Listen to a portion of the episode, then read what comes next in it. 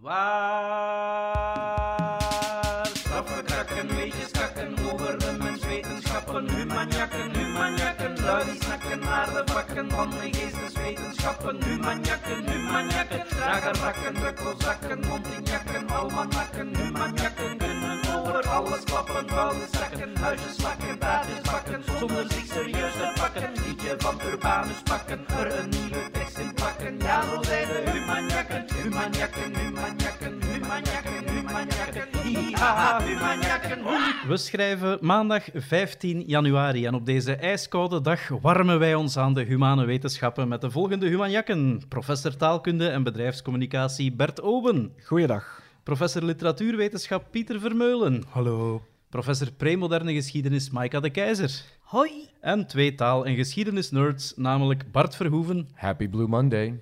en ikzelf, Stijn van der Stokt. Laat ons beginnen, Maika, met uh, superfijn nieuws uit Griekenland. Want het paleis waar Alexander de Grote tot koning is gekroond, is weer beschikbaar voor publiek. Dat is absoluut terug beschikbaar voor het publiek. En ik ben toch echt ik, ontzettend jaloers. Want ik stond daar deze zomer. En toen was dat niet toegankelijk voor het publiek. Foute timing. Wat is er veranderd in tussentijd? Ha, niet zoveel, denk ik. Eh, De deuren zijn opengegaan. Eh, het, het, lag er, het lag er al behoorlijk lang. Maar kijk, eh, ik ben nog plans proberen in te breken, maar er was een, eh, een bewaker. Dus het is me niet gelukt. Maar kijk, er was al wel een fantastisch museum dat daarnaast stond en dat was al wel open. Dus ik ben een beetje op de hoogte van wat er daar allemaal eh, te zien is. Dus eh, voilà. En ehm, de stad waar dat Alexander de Grote is niet zozeer opgegroeid, maar waar dat wel de ceremoniële hoofdstad is van het Macedonische Rijk. Dat is dus in het Oud-Grieks Aigai. De moderne Grieken zeggen daar Ege tegen, dus eh, ik ga daar nu mee verder gaan. Het is ook Aigai in het moderne Antwerps. Iets hè, maar- moderne Antwerps, voilà, absoluut. En die stad, heel lang hebben we zelfs niet geweten wat de naam van die stad was. Eh, die is dus nu terug helemaal in de picture, dankzij een reeks opgravingen en dus nu ook de heropening van zijn belangrijkste archeologische site. En is dat dus effectief het paleis waar dat dus die coup heeft plaatsgevonden op Philippos, eh, waar dat hij neergestoken is en waar dat dan onmiddellijk daarna, volgens hoe dat ik het begrepen heb, Alexander beëdigd is als nieuwe koning? Exact Eh. die plek, of hoe moeten we dat zien? Niet exact die plek, want ik geloof dat eh Philippus wel degelijk is doodgestoken in het theater of in een, ergens een plek daar vlakbij. Maar dus, het is wel die stad waar een enorme bouwwoede is geweest, die Philippus II, die heeft van Ege de cultplaats gemaakt van Macedonië. En dus heel die stad heeft een facelift gekregen, onder meer dat theater, onder meer dat paleis.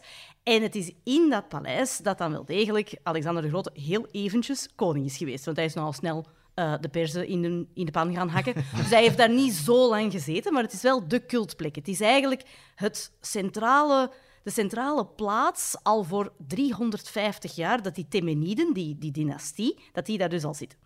En dat zijn dan ook effectief Grieken, of kijken de Grieken anders naar die Macedoniërs? eh? Ja, die kijken daar wel anders naar. Hè. Dus Macedoniërs worden heel, heel vaak voorgesteld als zo die noordelijke barbaren. Eh, de Grieken wilden dat graag om dat zo voor te stellen. Maar dankzij dus die historische opgraving, die archeologische opgraving, weten we nu dat dat dus echt niet waar was.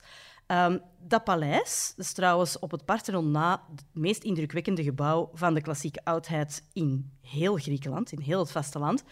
Eh, dat was dus 15.000 vierkante meter groot en is dus een soort van vooruitwendiging van wat dus zowel Philippus II als Alexander de Grote wilden zijn. Verlichte despoten.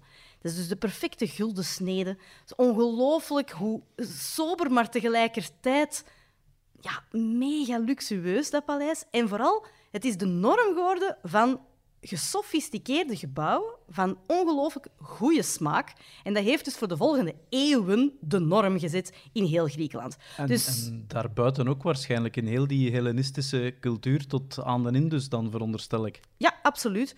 Dus op dat moment zie je dat dat de absolute norm wordt. Hè. Dus die verlichte despoten, koningschap volgens het model van Plato. Athene is op dat moment ingestort. Hè. Dus na de Peloponnesische oorlog is dat democratisch model ingestort. En mensen beginnen dus te zoeken naar zo'n krachtig leidersfiguur, een koning, die dat wel degelijk de politieke macht heeft en dat kan centraliseren. maar natuurlijk niet zomaar een barbaar en een, en, en, ja, een wilde bras is.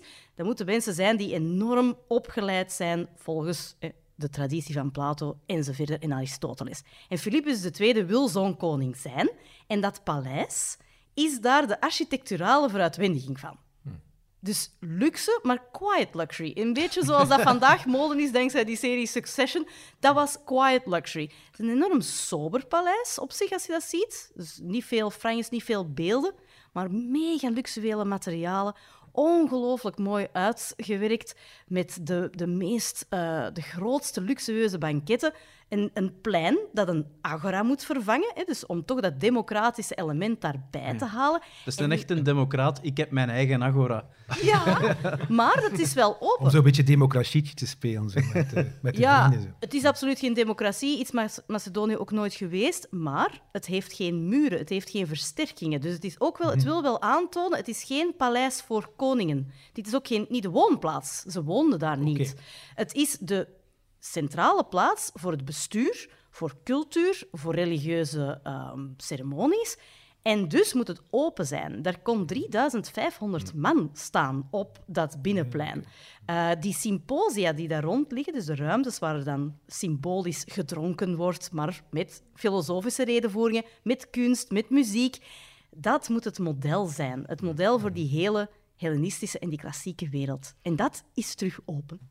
Wat ik mij nog afvraag, Maaike, is, hè, je legt hier de nadruk op de verlichte dimensie en op die sofisticatie en op die openheid.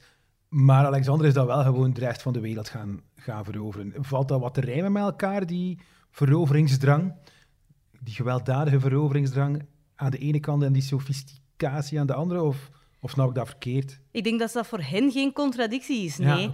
je moet wel, wel degelijk macht hebben. En het is natuurlijk ook een, een, een moeilijke periode. Hè. Dus de periode van de Macedonische koningen, van Philippus en van Alexander, is na die Peloponnesische oorlogen. Dus al die traditionele steden, Athene, Sparta, eh, Thebe enzovoort, hebben zichzelf eigenlijk volledig van de kaart gevaagd door die interne strijd. De Perzen komen er ook aan. De Perzen willen dus ehm, eigenlijk heel Griekenland veroveren. Ja, dat is de aardsvijand. eh, met, de, met de Grieken Voilà. natuurlijk. hè. Uiteindelijk, Philippus II die wordt verkozen door alle Griekse steden. En dat is wel speciaal, dat die zich eens achter één iemand hebben kunnen scharen, om dus de leider te worden van de hele Griekse wereld. En dat is dus om die Perzen ja, een lesje te gaan leren. Want die willen dus terug Griekenland eh, veroveren. Die maken gebruik van die politieke verdeeldheid.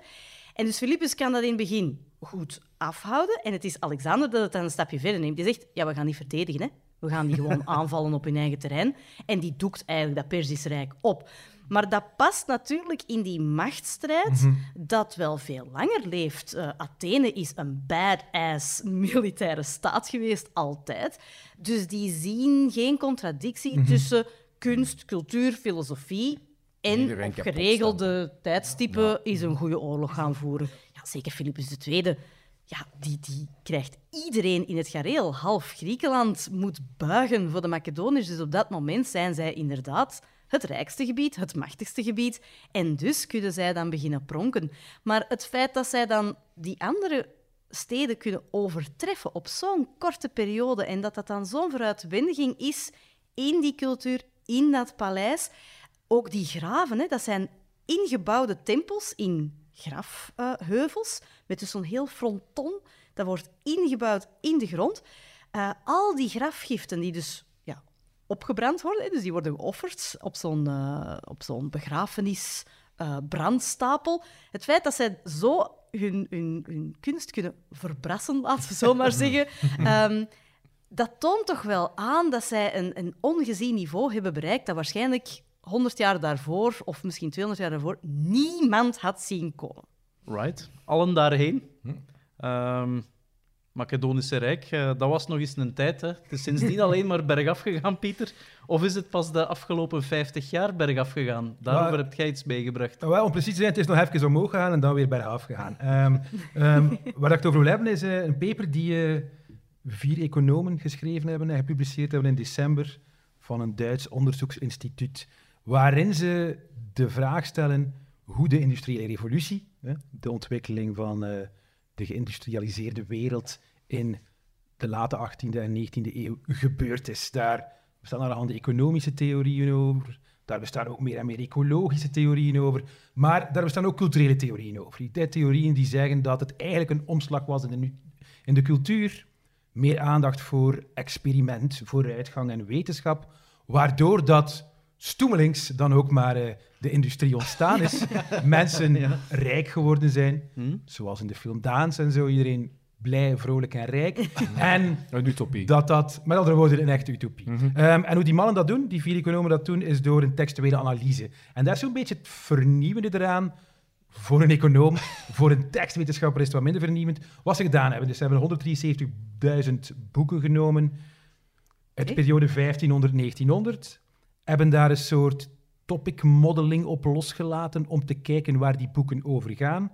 Om dan vast te stellen dat vanaf het begin van de 17e eeuw vooral in wetenschappelijke en praktisch georiënteerde boeken, noemen ze het, eh, ideeën als vooruitgang en experiment centraal komen te staan. En hup, 150 jaar later is daar de industriële revolutie. Dus besluiten zij, goede, opwindende, vooruitstrevende ideeën zorgen voor goede, opwindende en vooruitstrevende tijden. Ehm, waar het niet zo moeilijk is om de denkfout te zien, denk ik. Hè? Het is niet omdat twee dingen na elkaar gebeuren. Correlatie is Ja. niet gelijk aan causaliteit. Ja. Maar voor die mensen wel. En de reden dat dat, de reden dat, dat belangrijk Zijn is- economen, hè? Ja, Ja. zijn economen. Dus eh, de reden dat dat eh, veel weerklank gekregen is, is dat eh, op 5 januari ehm, John Byrne Murdoch, een zeer goede datajournalist van de Financial Times, dat opgepikt heeft en daar nog een beetje verder data-analyse aan toegevoegd heeft. Hij heeft bijvoorbeeld daarnaast een Spaans corpus van teksten gelegd. De Spaanse industriële revolutie, zoals we allemaal weten, is eh, iets later Later. gekomen dan de Britse.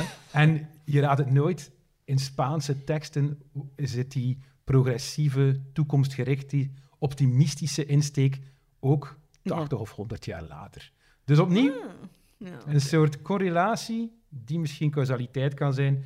Maar Byrne Murdoch is daar niet gestopt. Wat hij nog gedaan heeft, is een corpus van een paar miljoen boeken geraadpleegd voor de periode eh, van de laatste 60 jaar, om daar vast te stellen.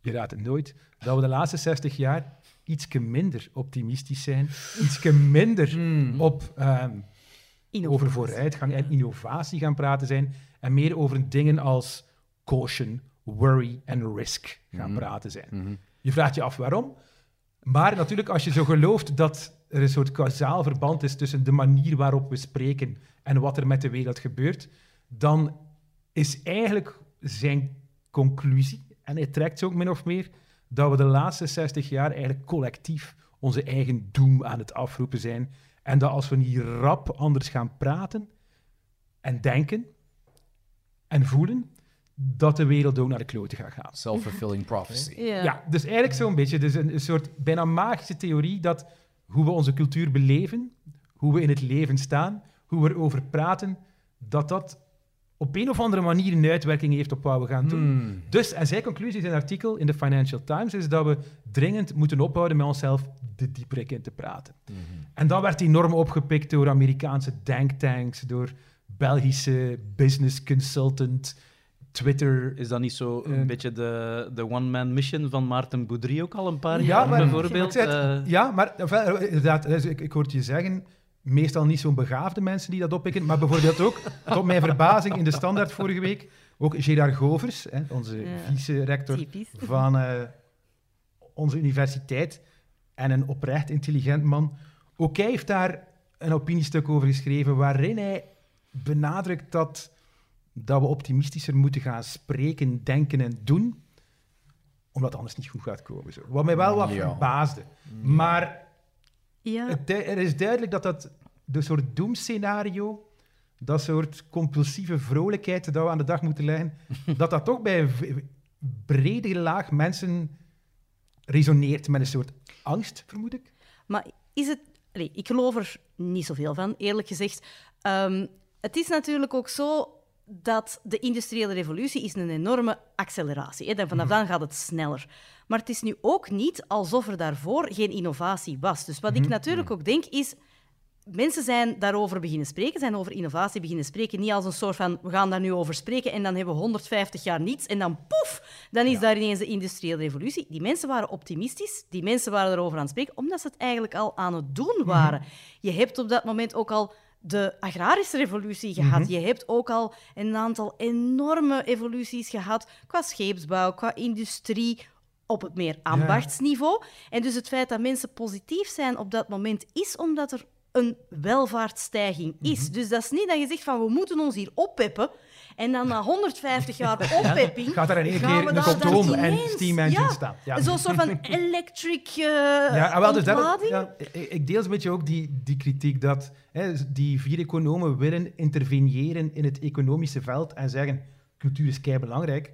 Maar voor mensen als ons, die cultuur sowieso ook erg belangrijk zijn, wij hebben wel een iets genuanceerder begrip van de relatie tussen werkelijkheid en taal. En zoals je zegt, Maaika, als mensen optimistische taaldaden stellen, is dat even vaak als niet, omdat er ook Ja. positieve dingen aan het gebeuren zijn. Ja. En ehm, dat is iets dat mij opviel in dat artikel in de Financial Times, dat die auteur de, het leven voor 1800 beschreef als gekenmerkt door mass conflict, exploitation en suffering. Ja, Alsof- vandaag de dag.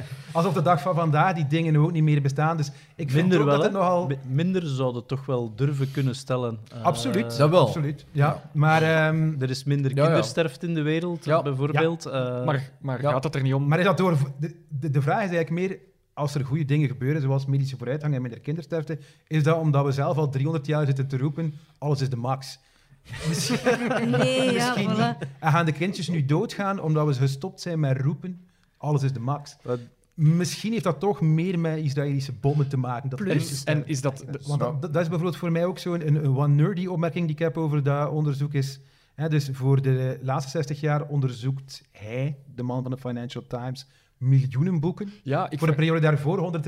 Dat is gewoon een veel diverser discours. ja, ik vraag me ook nog af, hoe vergelijkbaar zijn die datasets of zo? juist, want juist, want, ja. eh, wat zit daar in die groep van miljoenen boeken? En eh, wat was die dataset van Hmm. 500 of Ja, ja. 400 jaar geleden? Maar ik denk dan ook bij mezelf, zo de, de, de, hè, de arbeiders in de tijd van Daans, die hadden ook vast wel, eh waren misschien ook wel wat risk-averse en negatief over dingen, maar die konden daar geen boeken over schrijven. ja, ja, ja. In de laatste Voilà, 50, ja. 60 jaar, als je je, je textuele web veel breder gooit, Hmm. dan ga je dat soort kritiek wel capteren. En En, ehm, weet je nog iets over die topics waar het over gaat? Of welke woorden er als ankerpunt gebruikt worden om dan te bepalen ja, welke, over welke topics dat het gaat? Want ik kan me voorstellen dat je dat, dat, je dat niet zomaar rechtstreeks kan vergelijken. Hè? Dat, dat een, een woord wel. als experiment ehm 200 jaar geleden of nu gewoon iets anders betekent of een Ja. andere... dat ook al. waarde hè, heeft of dat iets als impact of- vooruitgang een heel andere Ja, betekenis ja, ja. heeft. En daar is in die economiepaper, hè, waar het oorspronkelijk over gaat, van die vier economen, daar is echt geen rekening mee gehouden. Dus die hebben een corpus samengesteld, die hebben daar dan onderges- Hmm. ongesuperviseerd Ja. ehm, topic modeling opgedaan, waar 60 topics, onderwerpen naar voren kwamen. En dan heel veel statistische analyses om bepaalde tendensen te gaan zien. Dus je hebt gelijk dat eh, de verschuiving in de betekenis van iets als experiment of wetenschap, Mhm. dat dat er eigenlijk niet in zit. Ehm, Maar nee. zie, zie gewoon al naar het woord improvement. Hè. Improvement is een woord dat je ziet opkomen in die 16e, 17e eeuw, vooral in de landbouw. Hè. Dus dat je zegt van landbouwvernieuwingen, nieuwe technieken, daar wordt improvement voor gebruikt. Het is niet daar, dat daarvoor geen landbouwontwikkelingen zijn. Het is niet dat er geen innovatie is. Men noemt het gewoon niet improvement. Vanaf dan zie je dat er rentmeesterschap, tillage... ehm, ik ben nu voornamelijk met mijn Engels jargon bezig, maar bon. Dat zijn de woorden die je zal vinden. Dat wil niet zeggen dat er daar geen innovatie is, ja, maar de, de woorden die ervoor gebruikt worden, zijn inderdaad wel fundamenteel anders. Ehm, dus daar ben ik sceptisch over, Ja, maar dat is één. Terecht. Maar vooral ook als je ziet, inderdaad, zo die kommer- en kwelthese voor 1800. Als premoderne historica kan ik het daar echt van krijgen. Eh, zeker omdat wat daar heel vaak wordt genegeerd, is dat in de industriële revolutie, als we gaan kijken naar de objectieve criteria van gezondheid, ehm, maar ook levensverwachting, die is naar beneden gegaan in het begin van de industriële revolutie. Mensen werden kleiner, mensen waren zwakker. En dat is omdat iedereen is bijeen gaan wonen in grote steden, cholera en zo verder. De arbeidsvoorwaarden waren zo erbarmelijk.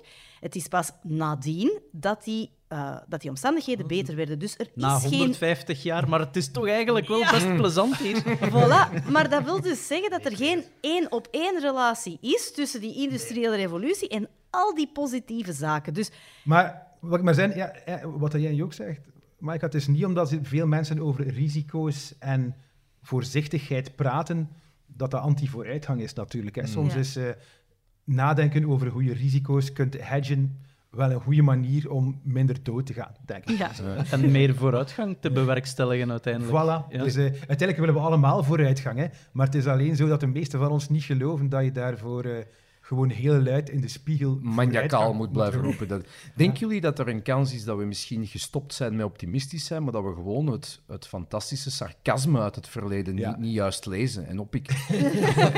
dat men vroeger Dat niet kan. zei, alles is geweldig, maar alles is geweldig. Amai, Max. Fantastisch hier, in de 17e eeuw. Hadden ze maar emojis gehad in die tijd. Ja, hè. wel inderdaad. Mensen kunnen eh, pessimistischer of optimistischer praten. Ze kunnen ook luider of stiller praten, eh, Bert. En daar zou misschien wel een mooie correlatie te bespeuren zijn. Namelijk, we lazen in de standaard eh, de afgelopen maand dat mensen die in het zuiden geboren zijn of uit zuidelijke culturen komen, dat die luider zouden praten. Wat heb jij daarover te vertellen? Dat klopt. Komt jij uit het zuiden? Eh, helemaal niet. Ah nee, uit het noorden, ja, ja. helemaal niet. Helemaal niet. Eh, het gaat vooral over de correlatie tussen de luidheid van een taal en de temperatuur. En in het, wat wij het zuiden noemen, is het doorgaans warmer. Eh, dus het ligt vooral niet aan de zuidelijkheid, maar aan de temperatuur voor een Hm. goed begrip. En meer bepaald gaat het over de sonoriteit. En wat nog net iets anders is dan de luidheid. Het zit er ja, wel heel dichtbij. Alleszins, de klanken die wij als mens eh, produceren, ehm, in sommige gevallen zijn die hoog sonor. Alle klinkers zijn heel sonore klanken, bijvoorbeeld. Ehm, en sommige medeklinkers, stemloze medeklinkers, iets als een p of een t of een k, dat zijn eh, eigenlijk heel weinig sonore klanken. En Dus je hebt de theorie is dan dat het- hoe warmer dat is, hoe meer klinkers dat er in een taal Hoe meer klinkerachtige eh, klanken, of als je dan toch medeklinkers hebt, toch tenminste stemhebbende medeklinkers, iets als een b of een d of een eh, nasale klanken zoals een eh, n of een n. En wel, die correlatie lijkt dus heel sterk te zijn. En wat die onderzoekers gedaan hebben, is ze hebben voor eh, meer dan 9000 gedocumenteerde talen een set van woorden bestudeerd en Eindpakken, man. ja, Ja. en in die woorden dan gaan kijken ja, hoeveel eh, meer of minder sonore klanken daarin zitten. En dan de correlatie gemaakt met de gemiddelde temperatuur op die plek. En, en daar komt een overduidelijke correlatie tussen die twee naar voren. Ehm, vooral de vraag, waarom? Waarom? Waarom is dit zo? Wel, mijn, mijn leraar Frans, daar denk ik nu net aan, uit het eh, vijfde middelbaar, die had daar een theorie over. Die zei dat de Russen eh, heel anders praten dan de Fransen, Ja. omdat de Russen hun mond moesten dichthouden omdat het altijd zo koud was. Ja. Terwijl de Fransen breedsprakerig kunnen spreken, omdat het daar warm is en ze dus... ja, Ja. Voilà, een stukje racisme moet kunnen. Hè. Ehm, ja, nee, maar dat is effectief een van de redenen die ze hier ook, Ah, kijk. ook aanhalen. Meneer Als het- Eemans, u had gelijk. Ja, als het koud is, ga je je mond eh, ja, niet te ver open doen, omdat het dan te koud wordt, letterlijk Ja. eh, in je Maar- mond. En dat wil je vermijden. Ehm, koud betekent ook vaak droge lucht. En droge lucht maakt het trillen van stembanden lastiger en maakt klanken, of sonore klanken produceren daardoor moeilijker. Dat is ook een van de redenen. Ehm, En zijn dat redenen die ze zelf nu eh, Nee. veronderstellen of eh, die ze eh, ook bewezen achten? Nee, nee, die zijn niet bewezen achter, maar ze, ze reiken een hele set van mogelijke redenen aan. Ehm, maar het is ja een correlatiestudie, hè, dus ze kunnen dat eigenlijk niet ja, Ja. uitsluiten. Zij trappen niet in de val van Nee, de economen. Nee, nee, nee, zeker niet, zeker niet. Maar ik vind, ja, er wordt een zodanig lange lijst van mogelijke Ja. redenen gegeven, ja, dat ik door de, bos, eh, eh, door de bomen het bos niet meer zie eigenlijk.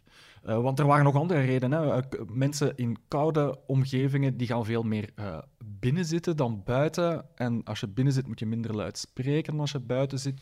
Vochtige lucht kan ehm, meer, of warme lucht liever, kan meer eh, hoogfrequente klanken absorberen. En hoogfrequente klanken, dat zijn net die stemloze eh, medeklinkers, zoals de P, de T en de K.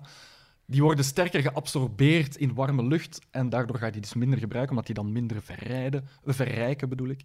Nog een ander type van verklaring is wel als het eh, warm en vochtig is, dan zijn er veel planten. Als er veel planten tussen mensen staan, als ze over grote afstand moeten communiceren, dan moeten er meer sonore klanken, omdat die verder dragen enzovoort. Dus een hele waslijst Als aan het heel mogelijke warm is, heb je ook een woestijn. En een woestijn is bijna leeg. En dan heb je Ja. geen planten. Eh, nee, maar daar zullen er ook veel minder mensen zijn en dus ook veel minder communicatie of zo. Dus ja, oké. Ja, maar denk dan bijvoorbeeld aan zo talen zoals het Engels of het Chinees, die over enorm veel klimatologische omstandigheden uitgestrekt zijn. Maar Daar gaat daarvoor, het ook niet op waarschijnlijk. die evolutie is te kort, denk ik, om de taal zodanig te Juist. laten veranderen Juist. dan... eh, Oké. ja. En die tellen ook zo weinig mee in die Ja, ja, enorme ja, hoeveelheid, dan oké. 9000 heel, vaak heel kleine talen die, er, eh, die erin zitten. Ja. En gaat nu eh, de gemiddelde taal in de wereld met de opwarming van de aarde sonoorder, worden? Wel, als ja, sommige van die theorieën die proberen te verklaren hoe die correlatie er komt, ja, als je die zou moeten geloven, zou dat het geval moeten worden. Dus Accepteren de correlatie nu alleen nog de verklaring. fijne correlatie, maar de vraag, en dat, Hmm. dat stellen de onderzoekers ook, eh, de vraag blijft nog open, ja, hoe komt dat nu? Eh, goed. Heb jij daar nog iets over te vertellen, Bert? helemaal niets meer. Buiten dat ik nog ehm mij lang de, het hoofd heb gebroken over hoe je het, ehm, het journal moet uitspreken waar dit eh, artikel in verschenen is. Want Dan ben je wel gedoemd om het te doen. ja, in het Engels is het gewoon eigenlijk eh, penis. Ik weet niet hoe Ja, dat jullie- penis. Ja, penis. Hoe spreken Ja, jullie dat uit? penis. of zo? Ah, ja. pe- Ah. Ik zeg Proceedings. Goh, ik Oké. zie in het Engels wel echt hun best doen om het aan penis of zo te gaan uitspreken, maar ja, het is penis. Ja. Dus het was een studie in penis. Oké, voilà. Yep. Dat is al wat we moesten weten. Yeah. Over eh, slurven gesproken. Bart, Mooi. jij hebt een eh, actualiteitsonderwerp mee, namelijk Ja. de orde van de olifant. Ja, Eh, ja dat ik heeft- vond het eerst heel schattig, maar dan ben ik echt boos geworden. Dus ik heb ook eh, ja, ik heb al mijn notities hier liggen, het zijn er niet veel. En er staat eigenlijk basically op olifanten en fuck de Denen. Ja, Valasse. Fuck de Denen. Ik moet het gewoon even zeggen. Ja, zo ik ben zelfs op de tafel aan het kloppen, want even fuck de Denen. Als er Denen luisteren, we zijn heel blij dat je luistert, maar even fuck you. Ik moet het gewoon zeggen. Waarom? Ehm, ik ben een hele grote eh, watcher van peilingen, in, in, eh, vooral zeker in presidentsjaren, in Amerika en al die dingen. En de Gallup poll, ik ben daar een keer gaan kijken naar landen die dat door grote stukken van de wereld heel positief gezien worden. De Denen komen er zo goed uit, maar telkens, hè. En ehm, de meeste peilingen staan ze niet in. Maar in de reden waar dat ze wel staan, een beetje gelijk wij de Belgen. Maar de Denen scoren altijd heel goed. Het wordt ook gezien als een heel sympathiek land. Ben zelf ook geweest, sympathieke mensen. En een heel ehm, bescheiden imago. En het is natuurlijk ook een, een heel ja, eh, standvastige monarchie. En, voor zij die de actualiteit gevolgd hebben, ze zijn net veranderd van monarch. De zeer legendarische en vrij populaire Margrethe, die ook wel de Assebakkoningin, de, eh, ja, ja, ja, dat is haar bijnaam, de, ehm de Assebakkoningin, is een notoire kettingroker, Ehm, die heeft er ons afstand gedaan in ja, favor of eh, voordelen van haar zoon, dat wordt Frederik X. Er zijn al wat Frederiks gepasseerd. En wat mij opgevallen is, nu, ik ben geen royalty watcher, maar het is mij wel opgevallen dat ehm, op zo'n evenementen, en ook met nieuwjaar en een paar andere eh, festiviteiten, er geparadeerd wordt door de royals met een heel klein attribuut. En dat is, eh, hangt niet vast aan de nek, maar hangt vast aan een ander kledingstuk, een kleine olifant. Oké. En kennen- wat doet die olifant verkeerd? Waarom zijn jij zo boos op Ja, ik die gewoon, olifant? ja, ik ben gewoon boos op de benen. Want uh, even, de olifant. Dus ehm, ja, we kennen allemaal wel, denk ik, de Order of the Garter. Hè, uit het eh, ondertussen Verenigd Koninkrijk. Of de, ja, het Gulden Vlies. Orde van het Gulden Vlies, denk ik, de bekendste ridderorde. Nu, ik ben gaan graven, waar komt die een olifant nu vandaan? Want het is, sorry, fucking Denemarken. Ja, Ja, die hebben geen olifanten. nee, wel, jawel dus. Ehm, Ja, Maar ja, eh, hebben de Engelsen leeuwen of zo? Of, ja, ik weet niet. ja, nee, dat is een goed punt. Nee. Nee, dat We is willen waar. wel een stukje wereld worden. En, en de Vlamingen eigenlijk... Ja, Ja, wel, het gaat daar eigenlijk dat over. toch ook plezierige kolonies met olifanten? Hè? Exact. Exact. Moet je vieren, hè? Ja, wel, exact. En ehm, dat is gewoon iets dat, dat interessant is om even bij stil te staan, want die een olifant ehm, representeert inderdaad een stukje geschiedenis dat gewoon niet echt geassocieerd wordt met de Denen, maar bijvoorbeeld wel met de Britten, of de Portugezen, of zelfs de Nederlanders. En, En ehm, wij, en wij. Ja, ja, ja, natuurlijk. Ja, ja. Belgisch-Congo, absoluut. Maar de olifanten komen inderdaad uit India. En wat is de link nu? Nu, die ridderorde... De Ja, want ik wist niet dat Denemarken kolonies heeft gehad. Exact, Eh, hè. behalve Vandaar. dan Groenland zeker of zo. En eh. dat is inderdaad het koloniaal verleden van de Deen, ook de Faroe-eilanden. En ja, dus ook een geschiedenis met IJsland natuurlijk. Maar inderdaad, als we denken aan de Deense kolonies, dan denken wij aan Groenland. En terecht ook. Ehm, is nu ook volwaardig deel van Denemarken met dan home rule, een grote vorm van autonomie geworden. Maar de Denen hebben in de Caraïben gezeten, hebben Serieus? in Afrika gezeten en hebben ook in India gezeten. Potverdikke, en die zijn er toch in geslaagd om dat... eh, zijn er geweest. En ze zijn er op een hele sneaky manier uitgeraakt gewoon. Dus vandaar de rubriek Fuck de Denen. Ehm klein beetje geschiedenis over de ridderorde. Die bestond op een of andere manier al sinds de 15e eeuw, maar heette toen niet de Orde van de Olifant. Heette toen niet de Ridder van... Ja, maar volgens mij als je 100 jaar lang zo olifant, olifant roept, opeens... Opeens Ja, was een dat was dan heb je een kolonie. rijkdom. Kolonie. Ja, ze hebben gewoon heel optimistisch gedacht. Ja, dat hebben ze gedaan. Ehm, nee, die ridderorde die is dan eigenlijk een stille dood gestorven, is dan eind 1500 opnieuw leven ingeblazen, opnieuw een klein beetje weggedemsterd en dan vol-on eind 1600 de ridder van de olifant. Ook de reden waarom dat het naar een olifant is gegaan, daarvoor het symbool was eigenlijk de maagd Maria, maar reformatie, Ja. Een upgrade. een upgrade. Ja. En in die periode zijn de Denen zich toch ook wel schaamteloos gaan verrijken. Vooral in het, ehm, ja, het zuiden van India, wat dat vandaag India is, maar ook in Bangladesh. Hadden ook een, eilandengroep, niet ver van Indonesië. Eh, pas op, de, de, de Danish India Company is ook een keer zwaar failliet gegaan. En ook zwaar mismanaged geweest. Welke niet? Voilà, inderdaad. Eh, wie zijn wij om te oordelen? Maar er hangt wel een, een zwaar koloniaal verleden aan. Eh, zelfs als je naar de, de olifant zelf kijkt, dat kleine... Als je die orde... eh, je wordt daar uitgenodigd. Dat zijn vooral staatshoofden. Er zijn een paar notoire Denen, die dat, eh, zoals Niels Bohr mocht daarbij. Ook een grote eh, miljardair van de scheepvaartindustrie in de 20e eeuw. Maar het zijn voornamelijk staatshoofden die erbij mogen. Maar je krijgt dat olifantje, dat klein, ook even uitleggen wat het is. Het is helemaal niet zo groot. Het is een klein, vooral gouden beeldje. eh, met een mooi wit glazuur er ook over. Met diamanten erin. Ja, ja, meerdere zeker. Twee daarvan zijn wereldwijd, eh, staan ook in, in een museum. één in Amerika en één in Frankrijk. Dus je kunt die wel gaan bezichtigen. En dat krijgt geen bruikleen. Dus als je sterft, dan gaat dat, moet dat terug eigenlijk.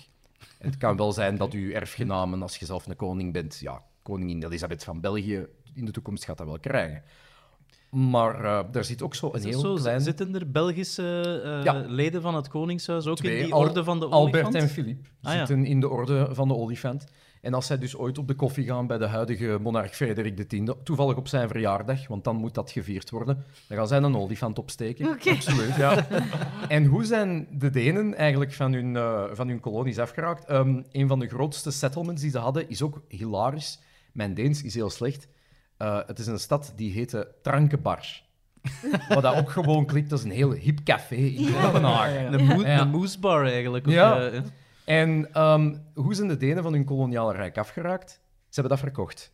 Oké, Ze hebben dat verkocht. gemakkelijk. Aan de Britten 1840. waarschijnlijk. Aan de Britten. Ja, ja. Dus er is ook geen onafhankelijkheidsoorlog geweest. Er is nergens iets geweest in de jaren van dekolonisatie na de Tweede Wereldoorlog. Ze hebben het verkocht, even op eBay gezet en daar waren de Britten. Voilà, geweldig. Goeie PR. Eh, Goeie PR.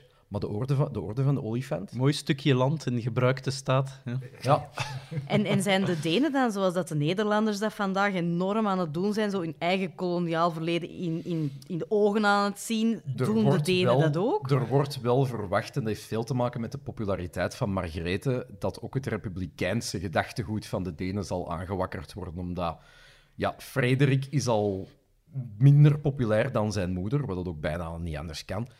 Er is wel iets meer oor naar het Deense koloniaal verleden dan natuurlijk in de goede oude tijd. Het heeft natuurlijk te maken met die periode van ongebreideld pessimisme, waar we natuurlijk nu in Ja, zitten. ja. Het is nog heel early days, maar ja... Maar ja, bijvoorbeeld als je in het centrum van Kopenhagen gaat, zijn er al verschillende monumenten daar die, die dat Toch toch wel herkennen. En er is daar Dat is mooi. één monument waarvan dat ik de naam vergeten ben, die een heel indrukwekkend eh, standbeeld van een zwarte Mhm. opstandleidster op een van die Jamaicaanse Ja, want in de eh, Caraïben, kolonies. inderdaad. Dus ehm, Hebben ze ook ik gezien. zou zijn, het is net als in Nederland, is dat in de musea en in het stadsbeeld en ook in de literatuur veel hedendaagse literatuur gaat Oké, daar kan ik wel Zo even kunnen- Dus die. Denen... ehm, Ik ga fuck de Denen even tussen haakjes zetten dan. ja. Is er ook geen eh, standbeeld geven. van een transvrouw, zo half vrouw, half vis? Hoe zou, zou dat dan een naam hebben? Zeeme... Zeemeerming? Ja. ja, dat is ook het eerste woke nationale symbool dat ze hadden. Dus ik denk, die Denen, ze zijn niet onschuldig, Tuurlijk. maar ze zijn nog altijd een stuk cooler dan wij. Dat is waar. Dat is waar. Allee. Goed, dan moeten we het nog eens over ChatGPT hebben. Eh, want ChatGPT, zou dat een betere verteller zijn dan de mens? Dat is onderzocht geweest nu, Bert. Heel juist. Ehm, een groep Amerikanen uit Indiana hebben daarover gepubliceerd in Nature. En ze zijn vooral gaan kijken naar hervertellingen. Dus ze hebben aan mensen van vlees en bloed een verhaaltje verteld en de vraag gesteld: hervertel dit verhaal nu eens. Een onbekend verhaal, nieuw verzonnen. Een heel klein narratiefje. Hervertel eh Bijvoorbeeld-. Nee, nee, nee, veel kleiner, veel kleiner. Bijvoorbeeld, ehm, er is een oude man en die oude man is heel vaak alleen omdat zijn vrouw de kleinkinderen moet verzorgen in een andere staat. Dus die, die vrouw is heel vaak weg in het buitenland op die kleinkinderen aan het passen. Namelijk een staat van paniek. Zo doen veel grootvaders dat. Wel, nee, tegen dat ze grootvader zijn is dat geen paniek meer. Is dat- een staat van een permanente adoratie of zo. Ehm, dus die, die man zit heel vaak alleen in zijn huis. En die stalkt eigenlijk de buurt. Hè, van zodra dat hij iemand in de straat ziet, Oh, dat is er zo spreekt hij iemand aan en die kan het dan eh, ja, Oh, niet God. tegenhouden om zijn eigen politieke overtuigingen duidelijk te maken aan ja, die toevallige passant. En de andere mensen in de straat die vinden dat eigenlijk heel vervelend Hmm. en vinden het wel moeilijk om dat te zeggen tegen die, eh, ja, die oude bompa in de straat die dan toch zijn verhaal maar kan doen. Bijvoorbeeld. Ja? Hervertel dit verhaal dat ik hier nu net heb gedaan. Dat werd gevraagd aan mensen van vlees en bloed, maar ook aan eh, ChatGPT. En het werd ehm, in drie keer gedaan. Als in, er, nee, ik, ver- het verhaal dat ik hier nu net verteld heb, ik ga aan jou vragen, Stijn, om dat te hervertellen. Jij hervertelt het. En die Dat is ook hervertelling dat moet... spelletje in de lagere school. Ja. eh, zeg Ja. iets in elkaar Ja. zo. Ja. Ja. Ja. En dan is dan Pieter, eh, en Pieter hervertelt het, en dan moet Maaike het hervertellen. hè. Dus dat drie keer. Ook voor ChatGPT, met verschillende accounts, omdat Ja. je binnen één account Onthoud- ergens wat onthoud je, bijhoudt ja. wat je al gedaan hebt. Dus met allemaal verschillende accounts laten ze ook ChatGPT drie keer zo'n hervertelling doen. Mhm. Om dan te gaan kijken, wat is het verschil in de output? Met welke prompt? Ehm, dezelfde prompt. De grofweg wat ik hier nu net verteld heb. hè. De- dit is een kort verhaaltje. Hervertel dit verhaal zodanig dat degene aan wie het vertelt nog kan begrijpen eh, wat erin staat. Ehm, punt. Maar is het een ges- wordt het dan naar ChatGPT eh, geschreven? Geschreven, Of ja. ja. dat is toch iets anders dan wanneer dat je het vertelt, niet? Nee, want ook de mensen van vlees en bloed kregen het in geschreven Ah, vorm en moesten Oké, het in ja. geschreven vorm reproduceren naar de volgende. Hmm.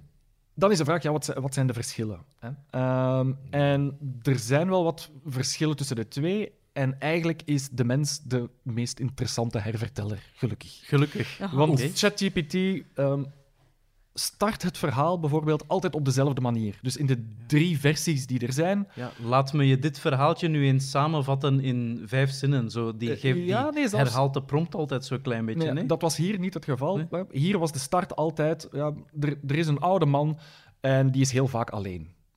Met hele kleine variaties, maar dat was altijd de manier, hè, in, in dit ene voorbeeld, waarop ChatGPT het verhaal startte. En terwijl je bij de mensen ziet dat ja, sommige mensen beginnen bijvoorbeeld bij het verhaal over die vrouw. Hè, De reden waarom dat die man alleen is, maar ze starten bij, ja, er was dus een vrouw en die moest veel naar het buitenland, ja, ja, ja. Dus dat doet ChatGPT nooit. Dus dat is al één verschil. De ChatGPT heeft ook veel minder aandacht voor de redenen waarom dat er iets gebeurt. In de hervertellingen van de mensen zit dat wel beschreven. Mhm. Mhm. En ChatGPT haalt dat eruit. De drijfveren voor waarom iets. Dus het is eigenlijk echt zo het een na het ander. Ja. Het verschil in literatuur- literatuurwetenschap is dat verschil tussen story en plot. Story is gewoon het een na het ander. Plot legt zo verbanden en motivaties Juist. en connecties Maar dat is- en causaliteiten. Oké. Op Dus zich, dat kan hij niet goed. Oké. op zich logisch natuurlijk, want ChatGPT begrijpt niet wat dat eh, Nee. reproduceert of produceert. Hè. Eh, die, die vult gewoon op basis van een heel fancy algoritme het volgende woord in, dat hij voorspelt op basis van alles wat dat hij ooit gelezen heeft. toch? Eh, ja, inderdaad. De- de- is, ja, is, is gewoon een, een hele goede producent van menselijke taal, maar daarop niet per se een goede eh, Verteller. narratief Ja, verteller. dus het bewijst eigenlijk dat een narratief, dat een verhaal meer is dan een som van Ja. op elkaar volgende ja. Events. Er zitten misschien ook wel wat ehm, ja, eh, stereotyperingen en bias in, in eh, ChatGPT. In dit voorbeeld bijvoorbeeld, ehm, maar ook in andere verhaaltjes. De vrouw krijgt veel minder woorden eh, in Van het verhaal. ChatGPT. Ja, dus van ChatGPT is seks, seksistisch Ja, dus in dit voorbeeld, hè, het hele subplotje van de vrouw die naar de andere staat gaat, wordt veel korter beschreven door ChatGPT dan door mensen. De- de- er worden minder eh, woorden besteed aan wat de vrouwelijke figuren doen door eh, ChatGPT. Dus consequent seksistisch. Ja, Zeg, wat je juist. Juist, Snap? juist, Ja. juist, juist. Want zelfs veel mensen zeggen zelfs per ongeluk is niet seksistisch, maar... Houd gewoon Ja, vol. houd vol, Ja. houd vol. Standvastig daar. Ja. Ja, inderdaad. St- Standvastig is inderdaad, hè, dat dat had ik al een beetje verteld, dus de start, ChatGPT start op dezelfde manier, maar eh, gebruikt ook veel meer dezelfde woorden. Dus daar waar mensen dat narratief in allerlei richtingen sturen en er veel meer nieuwe ideeën bij halen of ook grote stukken weglaten, is dat bij ChatGPT veel consistenter. Dus die drie hervertellingen lijken heel sterk op elkaar. Nou, En zijn armer in de zin dat er eh, binnen zo één verhaaltje veel meer dezelfde woorden worden gebruikt. En veel meer hoogfrequente en ja, verwachte woorden, wat uit inder- inderdaad tuurlijk, de hele point is van dat algoritme om een zo ehm, ja, verwacht eh, ehm, mogelijk woord te produceren. Groot- de bedoeling, grotendeels, van Want is er aan, aan onze AI-vriend gevraagd om interessant te zijn? Want natuurlijk, Ja, die, voilà. die voor hem is dat misschien... Allee, hem, nu zeg ik hem. Het. eh, is dat Ja, het is gebeurd. We hebben ChatGPT gegenderd. waarschijnlijk. Ja, voilà, Ja. Sorry, sorry. Ehm, Het was al gebeurd. Hè. is dat eigenlijk... Ja, dat was misschien gewoon de bedoeling. Hè? Dus ik ga dit zo waarheidsgetrouw, Ja. dus ik ga vooral niet beginnen freestyle, ik ga vooral geen synoniemen, terwijl dat wij dat dan doen om dat interessant te maken. dat Maar dat was de is, vraag Ja, niet. maar de vraag was ook exact dezelfde bij ChatGPT dan bij de mensen. Maar je kan inderdaad niet uitsluiten dat de mensen de hele situatie interpreteren en het toch interessant willen maken, ook al is het Wat niet... mij verwondert is dat er überhaupt enige variatie tussen de drie versies is bij ChatGPT. Er is Waarom altijd zou variatie. hem of hij begin of zij beginnen variëren? Wat er altijd variatie is. Er is Ja, altijd ja, variatie. ja. Je kunt twee keer, Mooi. inderdaad, zeker met een andere account, ehm, dezelfde prompt geven.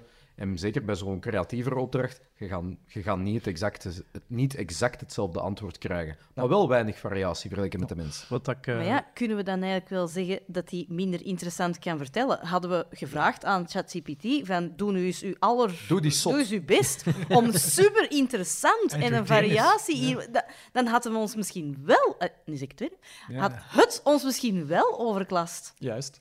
Ehm, dat is ook een van de opmerkingen die de auteurs zelf maken. Ze hebben hier bewust gekozen om niet aan zogeheten prompt engineering te doen. Hè, dus om de prompt zodanig te maken dat je een gewenst resultaat krijgt, namelijk een interessante, boeiende, verrassende, eh, spitsvondige tekst.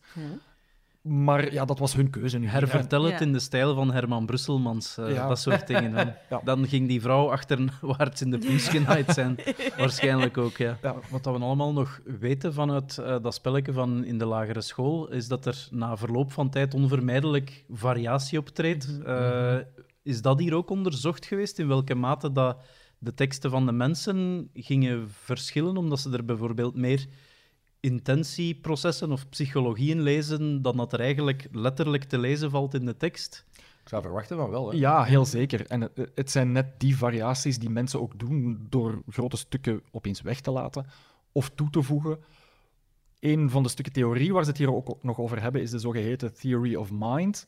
Namelijk dat wij ons als mens heel goed kunnen inbeelden wat andere mensen denken of voelen of weten. En daar zie je ook veel voorbeelden van in menselijke teksten, dat daar rekening mee wordt gehouden met hoe wij denken dat iemand anders zich zou moeten voelen in een bepaalde situatie. Ja. En dat doet die ChatGPT niet. Je kunt aan ChatGPT dan bijvoorbeeld wel na die opdracht vragen: geef mij nu eens schets een psychologisch portret van deze man. Dan ga jij heel interessante shit krijgen. Maar, Maar- wij doen dat automatisch al. Maar die vooral niet juist is. De- Het is net, Oh ja, tuurlijk. Het is, het is net die opdracht die voor ChatGPT nog altijd ontzettend moeilijk is om goed te doen. Als je de vraag zou stellen, hervertel dit verhaal. Hmm. En dan de vraag zou stellen, en wat voelt dit personage nu precies? Of hoe denk je dat dit personage Ja. nu op deze situatie zou Ja. reageren? Dan geeft ChatGPT hele mooie taal, maar een voor ons heel vreemde interpretatie. Kortom, eh, eigenlijk is dit wel heel hard een geval van Faith in Humanity Restored. Hè? Voorlopig. Keihard, Ja. keihard. We gaan er zo Kunnen vooruit. Ik word En als hier we wel nu- optimistischer van. Wacht, wacht nog zes maanden. Als we dat nu nog 150 jaar blijven volhouden, Ja. dan komt het zeker goed met die AI. Ja.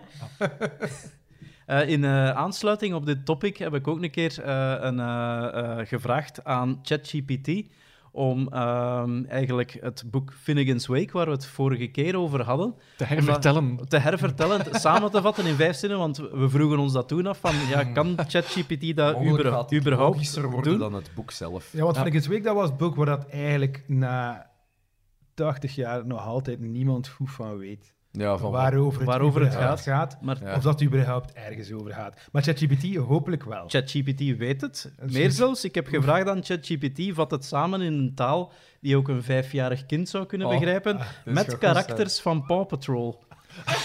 dus, eh, here goes. Finnegan's Wake is een heel lang en gek verhaaltje waarin Chicaletta, de kip van burgemeester Goodway, een groot avontuur droomt. In haar droom is alles net als in Adventure Bay, maar net een beetje vreemd en anders. In haar droom kan ze praten en lopen als een mens. En is Marshall soms een ridder, dan weer een astronaut en dan weer een zanger. Ze gaan samen op avonturen. Soms redden ze mensen, soms gaan ze op schattenjacht en soms dansen ze gewoon. Maar het is moeilijk te zeggen wat echt is en wat niet, omdat het allemaal een droom is. En nu komt het. Aan het einde van de droom, net voordat Chicaletta wakker wordt, zegt Marshall iets grappigs in een gekke taal die niemand begrijpt. En dan begint het verhaal weer van voren af aan, alsof de aflevering van Paw Patrol nooit eindigt. Ik snap het late werk van James Joyce eindelijk. Maar we Dank kunnen niet u. controleren of dit ergens op slaat, want we weten het zelf niet. Of Het is zo. veel Dus- logischer dan alles dat ik ooit geleerd heb. Ik hoor Het wel... komt wel een beetje overeen met dat verhaal. Is het nu een droom, is het nu geen droom? Ja, ja. jij het er vorige keer over had, Pieter, maar voor de rest... Ja. Oké, Ja. vanaf nu kan ik daar weer les over geven door het gewoon eh, Voilà. voor de studenten samen te vatten. Ah, dus- Dankjewel. Niemand het ook niet meer lezen, eigenlijk, Finnegan's Wake. Hè. Eh, Nee, Paw Patrol volstaat. Ik heb Droom. geprobeerd. Maika, jij wil nog iets vertellen over het hooghuis in Doel. Ja. Het hooghuis in Doel wordt gerenoveerd, wordt volgens de erfgoedkundige regels eh, gerenoveerd. En ik vind dat wel leuk, omdat Doel, ja, dat stond heel lang op de lijst om van de kaart geveegd te worden. En Maar dus de- alles, hè, niet alleen eh, hooghuizen. Maar wat is het hooghuis? Het hooghuis is een van de weinige huizen in Doel die nog een echt ja, een erfgoedwaarde heeft, hè, laten we het zo zeggen. Dus dat is een huis gebouwd in de 17e eeuw. Dat is een heel statig, barok huis in Doel, in het centrum van Doel. En ehm, in tegenstelling tot de meeste andere, die oftewel in heel slechte staat zijn, oftewel eigenlijk vrij recente huizen zijn, eh, staat dat daar nog Met een doel. met, met een doel, inderdaad. Maar voor heel lang was het plan om te zeggen: kijk, we gaan doel bestuderen, we gaan daar erfgoedstudies over doen, om dan uiteindelijk de haven van Antwerpen te doen uitbreiden. En dan kunnen we doel ja, volledig met de grond gelijk maken en daar een dok eh, leggen. Nu, die plannen zijn ondertussen terug eventjes in de diepvries gestoken. Meer zelfs, nu gaan ze dus terug investeren in doel om dus dat erfgoed terug letterlijk dan wel op de kaart eh, te zetten. En ik vind dat goed, omdat Doel echt een uniek dorp is. We, we onderschatten dat eigenlijk. De meeste mensen gaan daar dan nu naartoe om graffiti te gaan bekijken en net een, een, een Ja. verloederd dorp te gaan bekijken, zo'n soort van spookdorp. Ik ben er toevallig van de zomer nog doorgefietst. Eh, dat had wel iets. Dat is Ja. zo'n post-apocalyptische aflevering waar dat je doorfietst. eh, ja? Ja, wel. En dat is dus de reden waarom dat de meeste mensen daar nu naartoe gaan. Maar het is een vrij uniek dorp van een vrij unieke soort maatschappij. hè. Dus het is een polderdorp. Een Ik polderdorp dacht krakers, maar... Nee, ik ben een historica, dus al die recente gebeurtenissen, daar kijk ik niet naar. Ik ga kijken naar de oorsprong. En dus Doel is echt een gemaakte maatschappij. Hè? Dus zo van die polders, die zijn gewonnen op het water. Dat zijn stukken land die ooit water waren. Je poldert die in en je creëert een nieuw stuk grond en je creëert een nieuw dorp. En dus voor Doel is dat heringepolderd, want dat is al verschillende keren in de geschiedenis hebben ze dat proberen in te polderen. Maar dus finaal is het dan in 1613, 1614, na dus alle overstromingen tijdens de godsdienstoorlogen, is dat stukje ingepolderd. En dan krijg je dus een perfect dambordpatroon. Dat is zo'n geplande, ja, niet stad, een gepland dorp, uh, met een perfect rasterpatroon. Super rationeel. Ook die hele, uh, die hele polder is één groot dambordpatroon met mega grote hoeves. Um, voor het polderkapitalisme, waarbij graan geproduceerd moet worden voor de export en voornamelijk voor de metropool Antwerpen daarnaast. Um, maar het speciale van Doel is dat het dorp, dat daar eigenlijk de ambachtslui zitten, dat daar wat men noemt um, ja, de ambachten, de neringen, die dat polderkapitalisme moeten ondersteunen. En ja, dat heeft dus een, een heel mooie architectuur, zoals dat huis. Maar die had ook een enorm rijke materiële cultuur. En dat, dat hooghuis, was dat dan van ambachtslieden of was dat eerder van uh, uh, ja, de, de kapitalisten die daar investeerden? Of in welke sociale klasse zitten we daar? Het is begonnen door een schipper. Door eigenlijk een vrij, ja, eh, zelfs niet lagere middenklasse kunnen we dat noemen. Een schipper die dat, dat dus heeft gebouwd. Nu, hij heeft ook iets te hoog gegrepen, want hij is dan ook failliet gegaan. Uh, maar dat is dan daarna een herberg geworden. En een herberg is zo een van die typische sectoren waar Doel dan bekend voor staat. Je hebt daar extreem veel bakkers, je hebt daar extreem veel herbergen. En dat is totaal onlogisch. Daar zijn maar 124 gezinnen uh, in de 17e eeuw. Dus je hebt eigenlijk geen acht bakkers en geen talloze herbergen nodig, zou je denken. En daarom is dat dus zo uniek omdat dat zo'n rijke maatschappij is met die rijke boeren en al die handelaars die daar komen om dat graan op te kopen, krijg je daar dus een enorme middenstand. Een middenstand die dus een materiële cultuur en een welvaart heeft dat atypisch is voor alle andere rurale omgevingen daar rond. En dat vind ik dus zo speciaal. En het feit dat ze dus dan net dat huis, wat dus zo een van die herbergen was voor het merendeel van de geschiedenis, terug in ere gaan herstellen, dat vind ik geweldig. Dan kun je eens een keer daar aandacht aan spenderen, eerder dan aan die graffiti dat er gespoten is. Is het niet heel dom om zeven bakkers in een dorp met 124 gezinnen te hebben? Of is dat niet te veel vooruitgangsoptimisme of zo? Wel, nee. de, 150, de 150 jaar daarvoor zei iedereen van we moeten een bakker hebben, we moeten een bakker hebben. Ja, wel, maar dus heel lang hebben wij gedacht dat in rurale maatschappij en in het verleden iedereen zelfvoorzienend was. Elke moeder de vrouw ging haar eigen brood pakken en iedereen ging zelf zijn bier brouwen en dat soort zaken. Dat waren gewoon de jaren 50. ja, eigenlijk wel. Um, en dus wij hebben heel lang dat beeld gehad en Doel bewijst dus dat dat niet juist is. Daar spelen zij zo hard in op gespecialiseerde landbouw. Die landbouwbedrijven die zetten in op zeer gespecialiseerde tarwe of roggeteelt of vlas dat verkocht wordt op de markt. Zij gaan hun tijd echt niet ver verkwisten om dan ook nog eens zelf hun brood te gaan bakken. En dat heeft er dus voor gezorgd dat daar enorm veel van die ambachten, herbergen en zo verder zijn. En dat zij dus ja, die producten produceren en ook heel veel van die vernieuwende producten in Doel hebben binnengebracht. Dus wat je daar ziet, is dat er heel snel koloniale producten doorcijpelen. In zo'n klein dorp koffie, thee, suiker, tabak.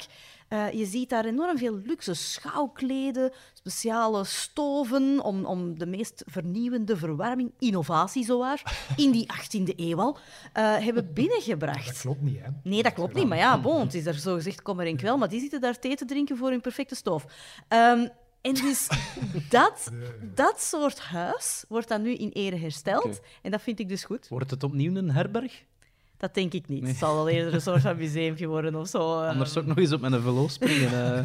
er zijn genoeg herbergen daar rond. Dan kun je daar je pint gaan halen en gewoon even in dat huis gaan. Een vrij herbergintensieve regio, dus ja. ik denk dat het wel, wel goed komt. Oké, okay, fijn.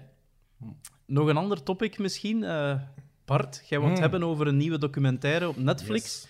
over kan ik haar de goede leliekes van Groot-Brittannië noemen? Oh, ik denk dat ze meer krediet verdient dan als. Ze komt niet uit... Uh, geen, geen, um, geen probleem met goede leliekes, maar dit is een, een, een, een globale schaal aan invloed, denk ik wel. Ja, niet alleen binnen de eh, feministische beweging, vooral de Tweede Golf, maar eigenlijk ook de seksuele revolutie. Eh, er is een hele interessante documentaire, dat is de Disappearance of Cher Height. Um, die is eigenlijk vorig jaar al uitgekomen. Maar uh, dit weekend kwam hij specifiek uit in, ja, in de UK, vandaar de link. En hij is nog eens op de radar gekomen. Ik vond het een heel goed moment om hem toch ook eens in de kijker te zetten.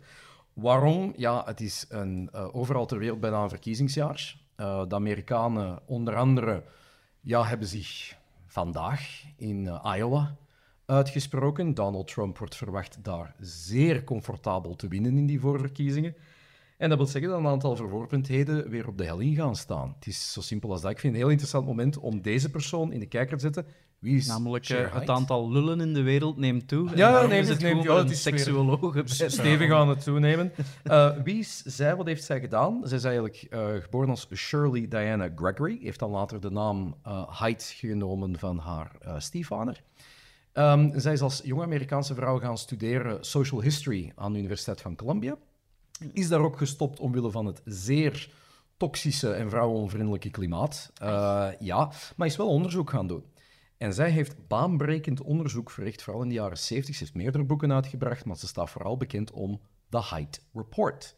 Wat heeft zij gedaan? Ze heeft vragenlijsten opgestuurd naar voornamelijk getrouwde vrouwen om te polsen naar hun orgasmes. Oké. Okay.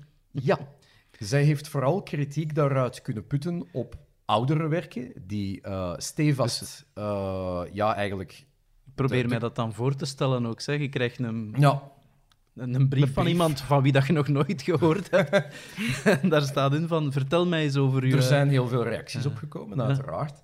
En um, daarvoor baanbrekende seksuele studies daarvoor, zoals de ja, McKinsey is heel bekend, uh, Masters and Johnson, geloof ik die um, waren nogal heel gericht, hoe kan het ook anders, op penetratie. Ja, dat zogezegd de vrouw daar de meeste van haar orgasmes zou krijgen uit van vaginale penetratie. Wat heeft uh, Cher Height aan het licht gebracht? Eigenlijk de meeste, echt de overgrote meerderheid van die vrouwen, spreken nogmaals over de midden jaren 60, gaven ook meteen toe dat de meeste van hun orgasmes kwamen uit masturbatie en clitorale stimulans door masturbatie. Iets dat de meeste mannen natuurlijk ook niet echt wilden horen op dat moment. Ze is ook neergesabeld geweest in de research, langs alle kanten bekritiseerd geweest. Maar zij blijft heel belangrijk in het ja, in kaart brengen van het vrouwelijke orgasme en dan vooral het belang van clitorale stimulans. En die invloed is nooit weggegaan. En zij heeft daar wel, ja, toch wel een, een debat in losgekregen. Uh, ook in haar persoonlijke stijl is zij altijd ja, heel no-nonsense geweest. Ze heeft ook gemodelleerd in haar leven, heeft ook modelwerk gedaan. Ze heeft ook meermaals haar eigen vulva laten fotograferen en die beelden ook gepubliceerd mm -hmm. uh, door een, een, Duitse fotograaf, Iris uh, Brosch. Dus het is ook iemand die in haar eigen, ja, in haar eigen leven altijd daar heel open over geweest is, over seksualiteit. En de documentaire brengt niet alleen die kant van haar leven in, in, in beeld, maar ook eigenlijk ja, de baanbrekendheid van dat onderzoek. En ik denk dat we regelmatig, de mens is terug preutser aan het worden. Um, geen idee of dat, dat waar is. Maar de laatste 50 dat... jaar hè, zijn we steeds preutser aan het worden. Dus we moeten ja, ja, dringend uh, 150 jaar lang open worden. Ja. Maar die had verteld eigenlijk een beetje het levensverhaal, maar ook hoe dat, dat onderzoek is gebeurd en welke impact dat, dat gehad heeft. Ja. Nu vraag ik mij wel af, Bart, uh, ja. waarom dat je daar de Iowa Caucus bij, bij, betrokken hebt. Uh, dat in mijn achterhoofd. Uh, ik weet dat dat vandaag gebeurt. En uh, ja. Maar suggereer je dat Trump misschien het clitoraal orgasme weer zou gaan verbieden? Of, uh, ik denk dat hij op de hoogte is van ja, het bestaan. Ja, voilà. dus ik denk dat dat wel veilig Hij lijkt ja. mij niet zo'n... Mm, ja, maar de vraag niet. is van... Wij, wij, wij associëren vaak de controverse met dit soort figuren en dan hun bevindingen, mm. dat dat iets is vanuit het verleden en dat we hopen dat we nu allemaal vrij en vrij onderzoek kunnen doen. Mm. Maar het is misschien inderdaad wel, wel goed om eens dat soort documentaires opnieuw ja. op te brengen om, om ook daar vragen bij te stellen. Hè. Hoe vaak worden wetenschappers die eens een keer tegen de consensus in willen gaan neergesabeld? Want heeft zij uiteindelijk de, de erkenning gekregen tijdens haar leven? Oh, De documentaire heet The Disappearance of... Ja. Ja, ja, ja, ja, zij is Ja. ondertussen ook al overleden. Ja. Eh, heeft, eh, Ja, heeft, het heel, heeft eigenlijk ook heel moeilijk gehad. Is ook uit Amerika vertrokken. Heeft zelfs de Duitse nationaliteit aangenomen. Ze moet eigenlijk Heel veel van haar boeken Ja. meer aan de straatstenen kwijtgeraakt tegen het einde van haar carrière. Nee, ze heeft het absoluut niet gemakkelijk gehad. Het is een beetje een reinstatement. Ja. Ja, Ja. Die, wel, eh, die wel mocht. Om even te schetsen van waar dat we komen. Ik had zo nog een, eh, in, in een artikel een, eh, een ad eh, gelezen, een, een reclame, eh, waar dat ze in fungeerde als model voor Olivetti. eh, eh, voor Olivetti, hoe heet dat nu weer? Ja. Typewriters. Allee. Ja, oh Ja, ja. typemachine. ja, ik, Typemachine, ja. ik weet wat gaat komen. Ja. Eh, the typewriter that's so smart, she, doesn't, have to be. Ja. Het waren andere tijden, zeg. Ja, ja, ja. Ja. Inderdaad. Dus The Disappearance of Cher Hyde te bekijken vanaf nu op eh, Netflix UK weliswaar. Dus met een VPN kun je alles VPN, bekijken. Ik ga ook eh, erbij zeggen, op Amazon Prime is hij ook gewoon beschikbaar. Dus vanuit België zonder een VPN, eh rep u naar Prime en bekijk de docu. Oké, en dan zullen we nog een paar aptoniemen bekijken, want er zijn weer een paar inzendingen en we hebben er ook zelf een paar gevonden. Nice. Eh, laat mij beginnen met eh, de regen, hè, want het is jullie misschien opgevallen, eh, het heeft heel veel geregend de afgelopen maanden. Dat leidde tot wat wateroverlast in Ninove, in de Dendervallei. Er was een pracht van een foto van een straat die overstroomd was, maar het aptoniem van de fotograaf was zo mogelijk nog prachtiger. Hij heet Peter en zijn familienaam is Van Plas. Plas. Yes, effectief. Peter van de Plas heeft een mooie foto in de standaard gemaakt van een plas. Mooi. Zo. Ja. We houden het even nat. Er is een eh, artikel van Natuurpunt eh, dat ik gelezen heb eh, over de voortplanting van amfibieën. Eh, en de medewerker, eh, de wetenschappelijk medewerker die dat artikel geschreven heeft, eh, die heeft ook een prachtig eh, toepasselijke naam, eh, namelijk Sam van de... Kikker. Kwaak? Waar zitten amfibieën Vijver. doorgaans? Vijver. Beek. Denk meer in de richting van eh, briljante wielrenners. Pool. Ja, voilà. Sam van de Poel. Ah. Dus eh, Sam van de Poel is wetenschappelijk medewerker amfibieën bij Natuurpunt. Ja, dat vind ik toch ook wel een hele mooie. Ja. Dan ook een eh, heel mooie in een... eh, enfin, behalve voor de betrokkenen. eh, in een boerderij in Geel is eh, een silo-lek geslagen. En daar is 200.000 liter bewerkte mest weggestroomd. En dat is het moment Dat is wel waarop dat één iemand zijn hele carrière gewacht heeft. Een eh, medewerker van de coöperatieve mestverwerking met de fantastisch toepasselijke naam Luc. En zijn familienaam is... Oh, ik durf het niet zeggen. Mestdag? Mestdag is mooi. Mestag zou een mooie zijn. Nee, het gaat meer over het, eh, de eh, olfactorische geneugtes Stank. van die mest. Stink. En je hebt zo'n politierechter ook in Leuven die zo heet. Nou, ik ben niet, ik ben niet van Leuven. Stinkens. Stinken. Stinkens. Oh. Ja. Luc Stinkens werkt Ah, bij de coöperatieve mestverwerking. ja, dat is ook... Dat is al een beetje zoeken, zo, hè? dat is al een beetje getelefoneerd. Dat is eigenlijk gewoon wachten tot op een ontploffende silo. eigenlijk. Ja, voor- Dus, Bel de Ja. Luc. De Het stinkt is- hier. Het De stinkt. dag is aangebroken. Dan nog een inzending van Noah Rousseau. Eh, zij is leerkracht Nederlands en Engels. eh, en ze nomineert een nieuwe collega die geschiedenis geeft. Hier gaat het om de voornaam. Dus het is een man die met de familienaam Peters. En de voornaam is een aptoniem als je geschiedenis geeft. Ilja? Het is een heel bekende historische figuur. historische figuur. Ja, mythes eerder. Eh. De stichter van het eh, Romeinse Rijk, nadat hij uit de brandende Troje is weggevlucht. Oké. Ja, ai, Dus niet... Ja, ja inderdaad. Dan kan ik het niet meer houden. Nee. Aeneas, Aeneas. Aeneas Peters Peters. geeft geschiedenis. Nomen en stomen, zou ik zo zeggen. staan daar, ja. Ja, maar met die naam kun je veel doen. Hè. Je kunt een Kunt een reisbureau, Of, Ja. Je kunt eh, kunt zijn. hoofdpersoning van een brandverzekering kun je ook... vluchteling worden. Ja, Ja, Ja. Ja. ik vind het iets minder dwingend dan, eh Ja. oké. dan die eerste. Een inzending van Daan Baldewijns dan. Eh, die heeft een klimmer, een snelklimmer gespot aan de Universiteit van Cambridge, eh, een atleet. Eh, maar misschien moet die mens stoppen met snelklimmen, eh, want hij heeft een heel omineuze familienaam. Zijn naam is Matthew Fall. Fall. Goed, Bart. Ja. En dan nog een inzending van eh Katrien Witpas. Eh, zij heeft een eh, lid van de commissie Duurzame Ontwikkeling in Frankrijk eh, gespot. Want de regering in Frankrijk is, denk ik, eh, gewisseld. Eh, En dus daar is een nieuw lid van de commissie Duurzame Ontwikkeling met een heel eh, toepasselijke familienaam. Enfin, het is eigenlijk een eh, anti-aptoniem. Eh, het, heeft, het is eigenlijk het tegenovergestelde van duurzame ontwikkeling. Daniel, Ja, manneke. ehm, duurzame ontwikkelingen tegenovergesteld daarvan. In het Frans dan nog. in het Ja. Frans, het gaat te moeilijk zijn. Ik ga Ja, hem gewoon verklappen. Ja. Brûle-bois. Ah, wow. Dat is Ja, poëtisch. Dat is poëtisch, hè? Dat had lang kunnen duren. Toch bedankt om het te verklappen dat we Ja. vannacht nog thuis geraken. Ja, ja, dat zou niet geraakt zijn, denk ik. Dus we zitten eh, met eh, Peter van de Plas, fotograaf van Plassen, Sam van de Poel, eh amfibieënkenner, Luc Stinkens, mestverwerkingscoöperatieve medewerker, Eindelijk tot zijn recht gekomen. Aeneas Peters, leerkracht geschiedenis, klimmer Matthew Fall en dan eh, lid van een duurzame ontwikkelingscommissie Daniel Brulbois. Wie kiezen we? Het is wel heel sterk. eh, Ja, dat Ja, veel keuze. Van de Ehm, Poel. Ja, de, Ik ga, ik ga voor Van de Plas. Oeh, ik wou Ja. voor de kakapipi gaan, de Lux stikkend. Oh, kijk, stikkend. als jij die zijn, En ik wou voor Daniel Brulbois gaan, voor, voor toch een beetje poëzie. Oh, oh, oh. Ja, dat is, ma- dat is waar. Ja. Ik vind Van de Poel en Van de Plas wel de sterkste, want Want dan heb jij een casting vote. ja.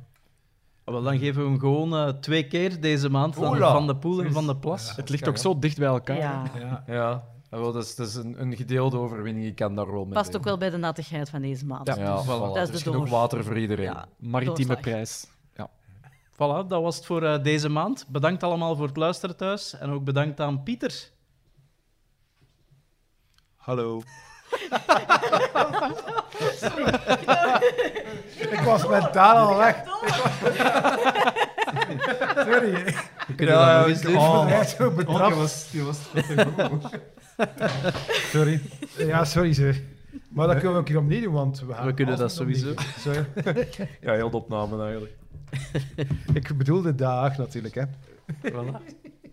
Goed, dat was het voor deze maand. Bedankt aan onze inzenders om een aptoniem in te zenden. Bedankt ook aan alle andere luisteraars. En bedankt natuurlijk aan onze humanjakken Bert, Ciao. Bart, Dus zelf bedankt. Maika en Pieter. Dag. Tot volgende keer.